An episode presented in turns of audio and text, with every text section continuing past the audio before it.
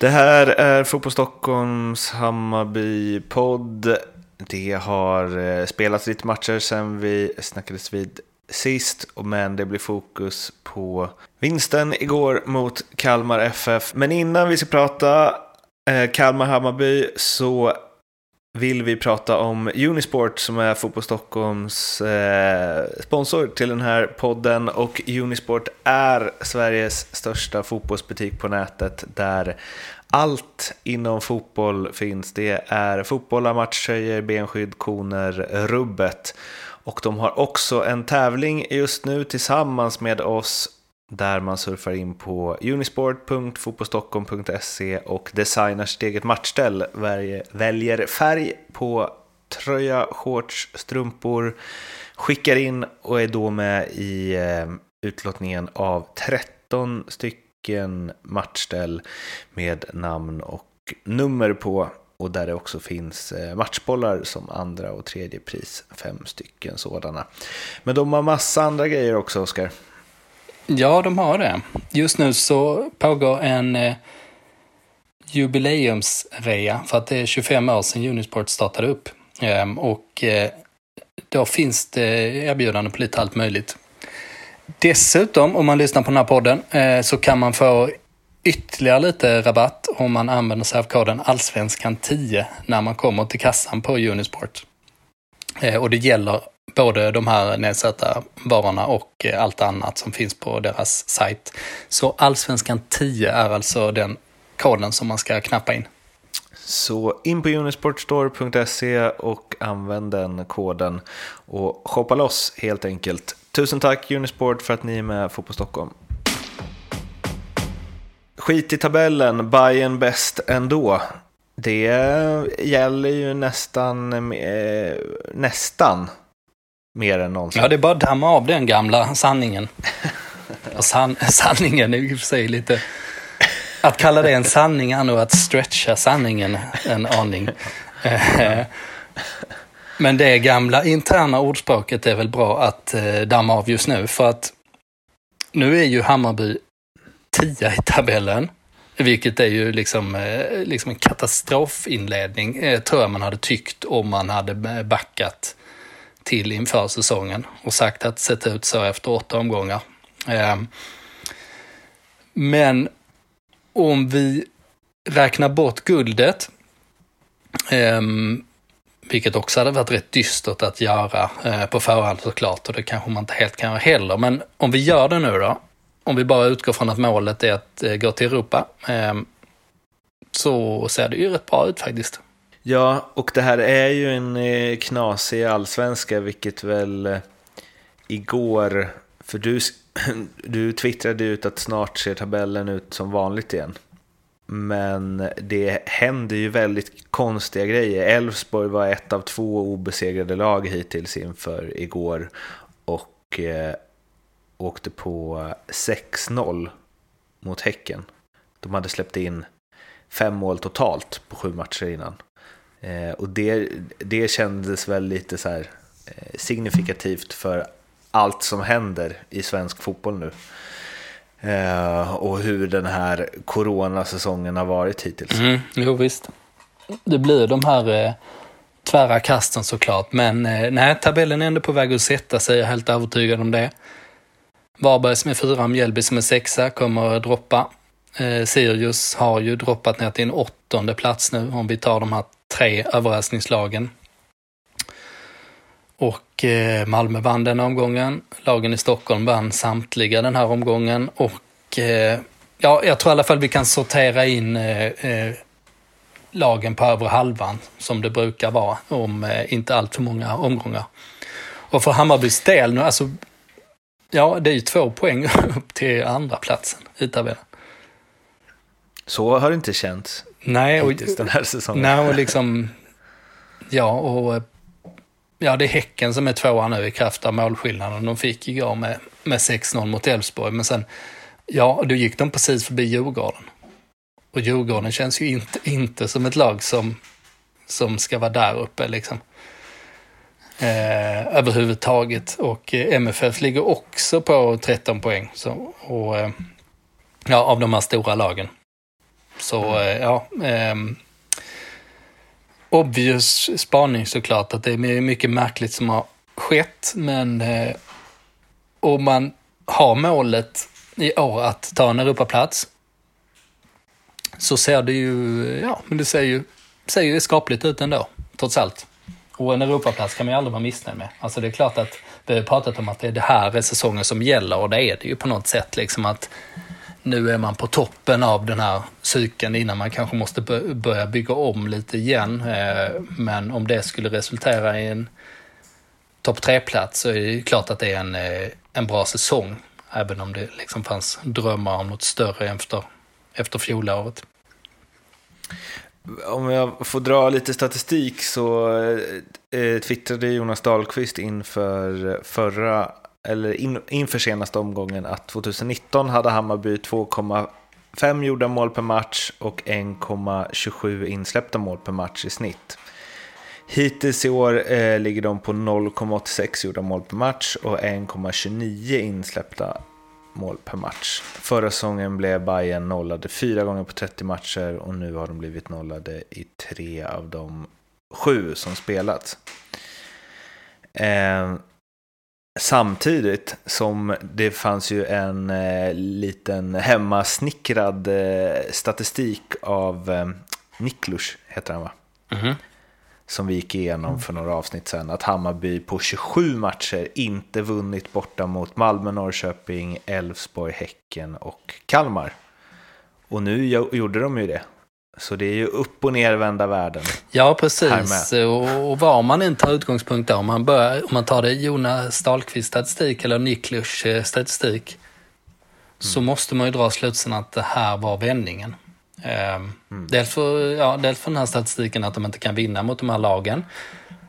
Men så tar de ju eh, Kalmar borta, vilket var ett, liksom en sju sorger och åtta bedrövelser eh, motstånd för, för Hammarby. Och Eh, det var gräs och Apropå Jonas Dahlqvist statistik, ja det var, den är svårförklarlig eftersom Hammarby ändå har det mesta kvar i laget. Det är klart att man kan se skillnader och lite vad som inte funkat, men liksom i stora drag är det ju samma lag som spelar och det är liksom sån enormt stor skillnad på statistiken.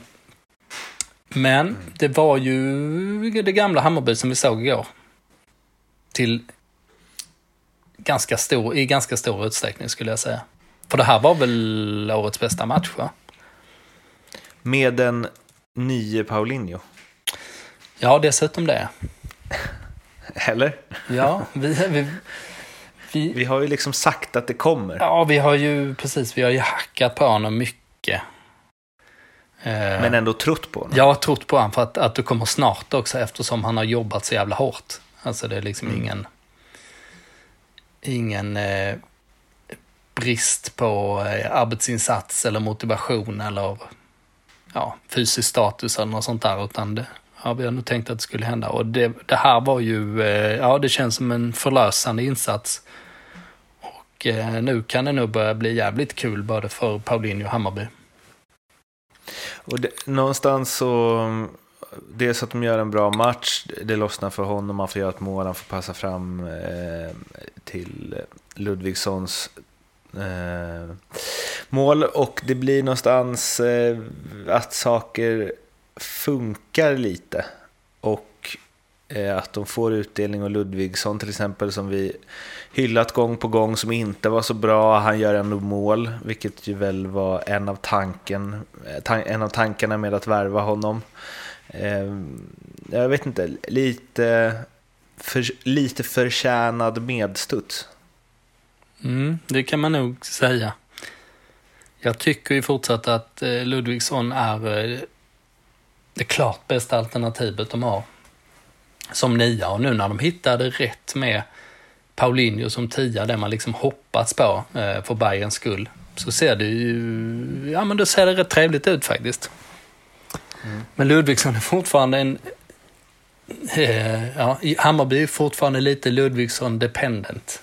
Gurra dependent är de, eh, vilket är märkligt med tanke på att han gjort två ganska slätstrukna spelmässiga insatser på slutet. Mm. Men, det var nog inte riktigt det de hade tänkt sig heller inför säsongen. Nej, det var inte så. Men eh, av alternativen där framme så är han ju klart bäst. Ehm, och eh, det var, blev bättre nu när, när Abbe Khalili inte spelade den här matchen. Då fick Hammarby ett mer effektivt spel. Eh, Abbe Khalili har ju en lång... Om vi har trott på att det ska lossna för Paulinho så har vi inte tecknat samma prognos för Khalili. Dock en rätt... Eh, vi har ju tron på honom fortfarande, men att det tar lite tid. Och sen, och sen av de andra alternativen så eh, har vi ju Imad är ju för anonym och eh, Aaron har vi ju räknat ut. Och med det som utgångspunkt i det här då, så eh, är ju nästa punkt på eh, körschemat, har Hammarby rätt lag? Och du har ju svarat så intressant på den förstås, med både ja och nej. ja, spännande va? Man... Eh, så vi ska skita i att utveckla det. ja, nej, vi kan väl kosta på oss att utveckla det lite grann i alla fall. Ja, take it away. Ja, nej men eh, vi har, vi har ju, eh, analysen har ju varit att Hammarby har haft, liksom haft råd med att ha en offensiv spelare som inte eh, levererar så mycket, men kanske inte två samtidigt på plan. Att det då blir för impotent. Eh, men nu har man ju, eh, nu har man ju löst det mesta egentligen, får man ju säga, från mittfältet framåt. Den här gången spelar, om vi tar inom mittfältet, spelar ju Junior Eh, större delen av matchen bredvid Jeppe Andersson. Jeppe Andersson som har steppat upp på slutet, han var ju, eh, han var inte alls bra tyckte jag i början av säsongen. Eh, märkligt nog. Eh, och nu gick eh, Junior in för att ge lite mer eh, stabilitet eller kanske det var för att Bojanic skulle vila också i en match där Junior skulle passa bra. Och eh, ja, funkar rätt bra även om jag tyckte att Darian gav ytterligare ett lyft när han kom in. Um, och sen resten av positionerna där, det är inte, egentligen inte så mycket att dividera om. Det är egentligen bara att ställa en, en fråga om varför, vad som händer med Kasaniklic egentligen. Um, för där jag, jag har faktiskt ingen teori om det. Jag var rätt övertygad om inför säsongen att han skulle vara eh, fenomenal när säsongen började. Att han eh, mycket väl skulle vara en av seriens bästa spelare. Som eh, bara fortsatte på den formen annan i hösten. Jag, jag kunde inte riktigt se varför det inte skulle bli så. Jag tänkte att hans, han skulle vara bättre än vad Tankovic eh, skulle vara. Och då tänkte jag också att Tankovic skulle fortsätta producera på, på den höga nivån. Men, ja, har du någon teori där först och främst? Kring eh, Katraniklic? Mm. Den är ju svår. Alltså... det varit kul om du haft den. Det är klockren teori för jag... Det finns en ja. oklockren. Om du vill höra den. Mm, vi får ta den då. Och, och det är att han är en sån spelare.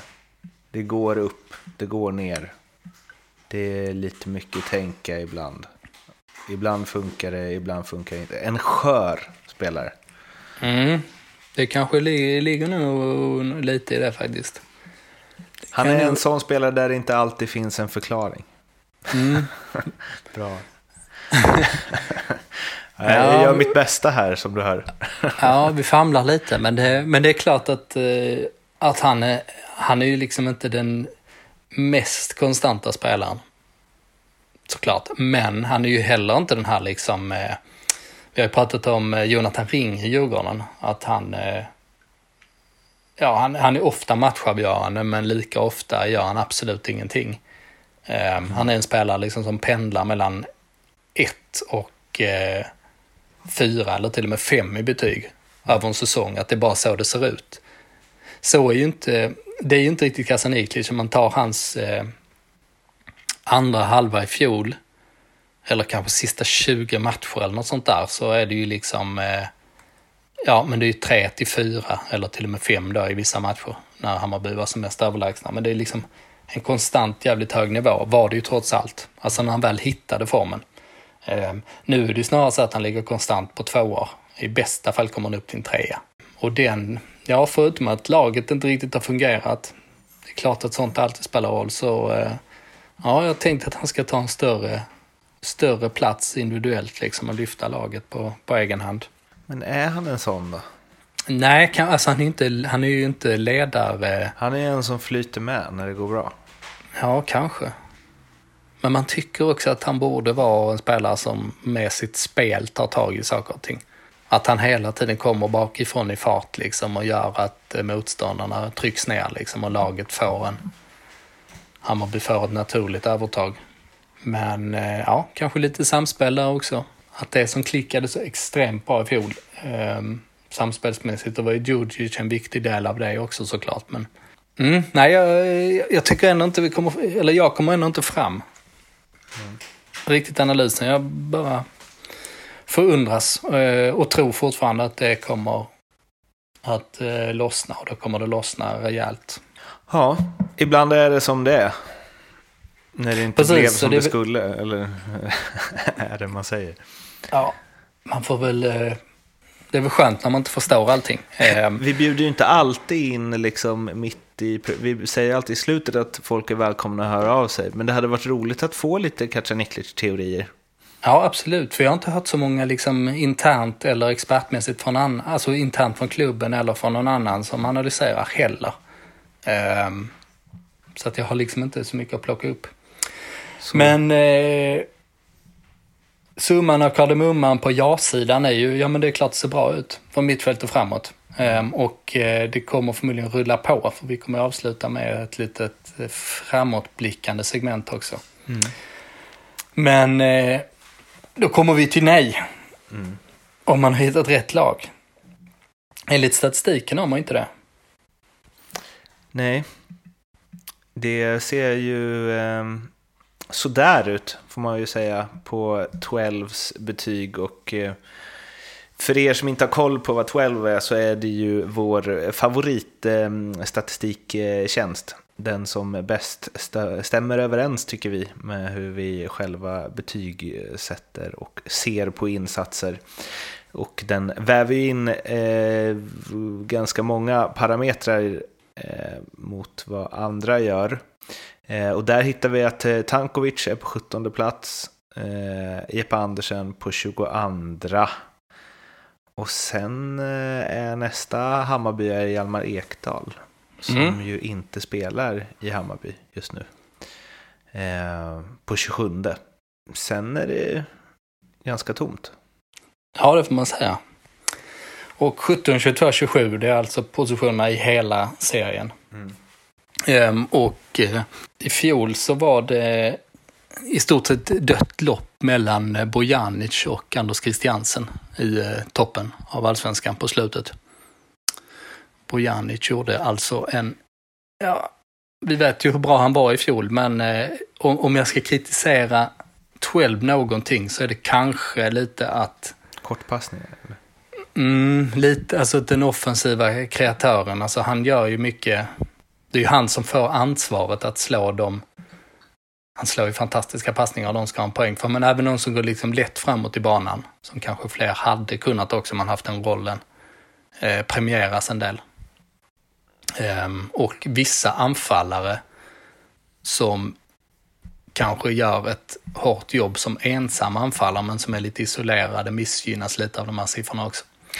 Men, så det är ju inte svaret med stora bokstäver, men jag tycker som sagt att det är den absolut bästa statistiktjänsten. Eh, och eh, Bojanic var ju, ja han var ju eh, fenomenal i stora stycken i fjol.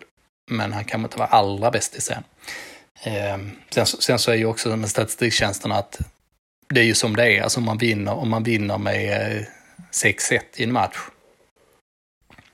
så får ju alla spelare höga betyg liksom och, och, och, då kan man ju till exempel invända att det är viktigare att liksom toppa formen i de absolut jämnaste matcherna Han kanske briljera när det går som lättast. Liksom. Men eh, det är ju det är ju andra sidan svårt att väga in i en statistikmodell. Men eh, nog brasklappat om det där. Eh, intressant tyckte jag att Hjalmar Ekdal är 27. För att som du sa, efter plats 27 och Hammarbys spelare som de äger så var det i stort sett ingenting att redovisa. Ehm, och de som kan få godkänt än så länge, det är inte så jäkla många faktiskt. Om man ser på de som eh, spelat över tid. Det är ju Tankovic, Jeppe Andersen, eh, ja, Hjalmar Ekdal utom tävlande och sen så är det eh, Bojanic okej okay än så länge. Sen är Widgren, Ludvigsson, Fenger klarar sig också hyfsat statistikmässigt, men that's it. Um, så då har vi också liksom svart på vitt att uh, prestationerna är på en helt annan nivå hittills än om man jämför med fjolåret. Mm. Det är liksom sex spelare som räknar in som vi sätter godkänt för än så länge. Och godkänt är inte eh, mer än så, helt enkelt. Men det är ändå bara två poäng till andra platsen. Ja, exakt. Vilket ju... Eh, men eh, mycket av det vi pratar om och mycket av det vi pratar om Hammarby, som vi har pratat om Hammarby, så blir det ju konstigt. Och det förklaras ju mer av, eh, visst du tror att det kommer snart liksom rätta till sig i tabellen och de förmodade topplagen kommer ligga där eh, under Norrköping. Men eh, eh, ja, jag vet inte om det är en förlåtande allsvenska. Eh, för någonstans så blir det ju att Hammarby har inte varit bra. Och jag, och jag har lite svårt att se om det var förra året som alla lag var så För i förra året så gick det ju nästan alltid som man tänkte att det skulle gå. Och i år gör det ju det väldigt sällan hittills. Mm. Men ändå kanske tabellen snart kommer se ut som man tänker att den skulle sett ut. Mm. Det känns så att det kommer bli mer, mer förutsägbart över tid. Däremot kanske det liksom blir lite mer oförutsägbara resultat här och där på något sätt. Så det kan man inte, lika, lika förutsägbart kommer det inte bli, men man kommer ändå se den här kvalitetsskillnaden mm. över tid. Um, och det är ju lätt att skärmas över en pigga nykomlingar och så vidare, men säsongen är ofta extra lång för den, den typen av lagen. Um, ja, nej, så det är eh, bästa matchen för säsongen. Eh, saker och ting ser rätt mycket bättre ut plötsligt efter den här matchen. Om vi tittar framåt. Ehm, och det är bara att konstatera, samtidigt som man liksom måste underkänna den första delen av eh, säsongstarten av Hammarby. Det är liksom inget snack om det. Det finns ingen, ingen parameter som gör att man skulle kunna säga att det var en bra säsongsöppning. Men utifrån det vi är nu då och du har liksom, ja, att man väntar sig att tabellen ska bli som man, eh, som man tror, trodde innan.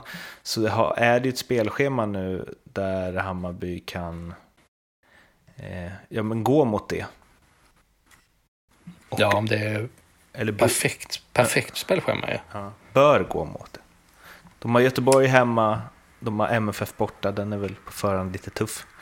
Eh, Örebro hemma, Helsingborg borta, Falkenberg hemma. Men mm -hmm. nu, då är det ju också att man vaggat in lite årets bästa match borta mot Kalmar, det börjar tuffa på. Eh, men så, men, men om vi, om vi liksom hoppar tillbaka några matcher så hade man ju bara, ja absolut, bra spelschema, men hemma mot Örebro hade kunnat bli 0-0. Ja, precis. Och eh, tuffa på. Nej, jag, jag, tänker bara så här att nu när man är lite smygform möjligtvis. Mm. Alltså jag drar rätt stor, stora växlar av den här eh, matchen mot Kalmar. Mm. Jag tycker man ska göra det så är det ju bra att ha ett lätt spelschema där man kan eh, samla poäng och eh, bara få in sitt grund, grundspel på något sätt. Nej, jag tror jättechanser här, fyra av fem matcher att vinna dem. Sen blir det mycket tuffare eh, när vi kommer in en bit i augusti, sen ska man koppla på Europaspel och så vidare. Eh, men i augusti är det fortsatt, fortsatt en eh, chans att eh, Zlatan spelar Hammarby-tröjan. Ja, det är ju en viss kvalitetshöjning man skulle göra där. ja. eh, ja. Det har man nästan glömt i hela den här debatten. Mm. Alltså i och med att allt blir så hysteriskt med Zlatan. Och det blir liksom på något sätt eh, metadiskussioner av allting liksom. Och ja, hela den här allmänna krocken mellan eh, vad Hammarby är och vill vara och eh, vem Zlatan är och så vidare. Eller om man eh, ser det på något annat sätt. Men om, om man då liksom bara eh, bortser från det här så eh, är det ju fascinerande ändå att han har väl, han har väl varit Milans bästa spelare sedan han kom tillbaks dit. Och han fyller 39 i höst. Ja. Att det är ja okej, okay, han är väl inte på sitt... Eh, han har ju varit bättre såklart. Mm. Han har ju varit så här, ja, han har inte varit bäst i världen, men han har varit bäst betald i världen i något läge. Så då har han ju liksom varit och nosat där liksom. Men att det är sån eh, dunderkvalitet fortfarande eh, har man ju nästan tappat. Han kommer ju vara eh, förmodligen fullständigt överlägsen när man skulle spela Hammarby. Och det är ju det som också är, i sådana fall ytterligare en, är något att addera till en eh, säsong som är upp och ner. Ja, det får man säga. Någon säsong han ska spela Hammarby så är det väl den här crazy-säsongen nummer ett. Och då kan vi nog eh, lägga Jonas Dahlqvists statistik åt sidan tror jag. Mm, det tror jag också. Kanske han som eh, får Kasaniklic att växa ut igen. Ja. De gillar att spela med varandra. Eh, ja, de var bra ihop i eh, landslaget. Ja, de var ju det faktiskt. De var ett, ett av få glädjeämnen på den tiden när Kasaniklic spelade var han och hans samspel mellan med Ibrahimovic. Med de orden så rundar vi av den här Hammarby-podden. Vi finns på Twitter, Instagram, Facebook. Hör gärna av er med Kacaniklic eh, teorier. Vore intressant att läsa. Så hörs vi igen inom kort. Och glöm inte att eh, surfa in på unisportstore.se och eh, kika in lite fotbollsprodukter. Tills vi hörs igen, må gott. Hej då! Hej då!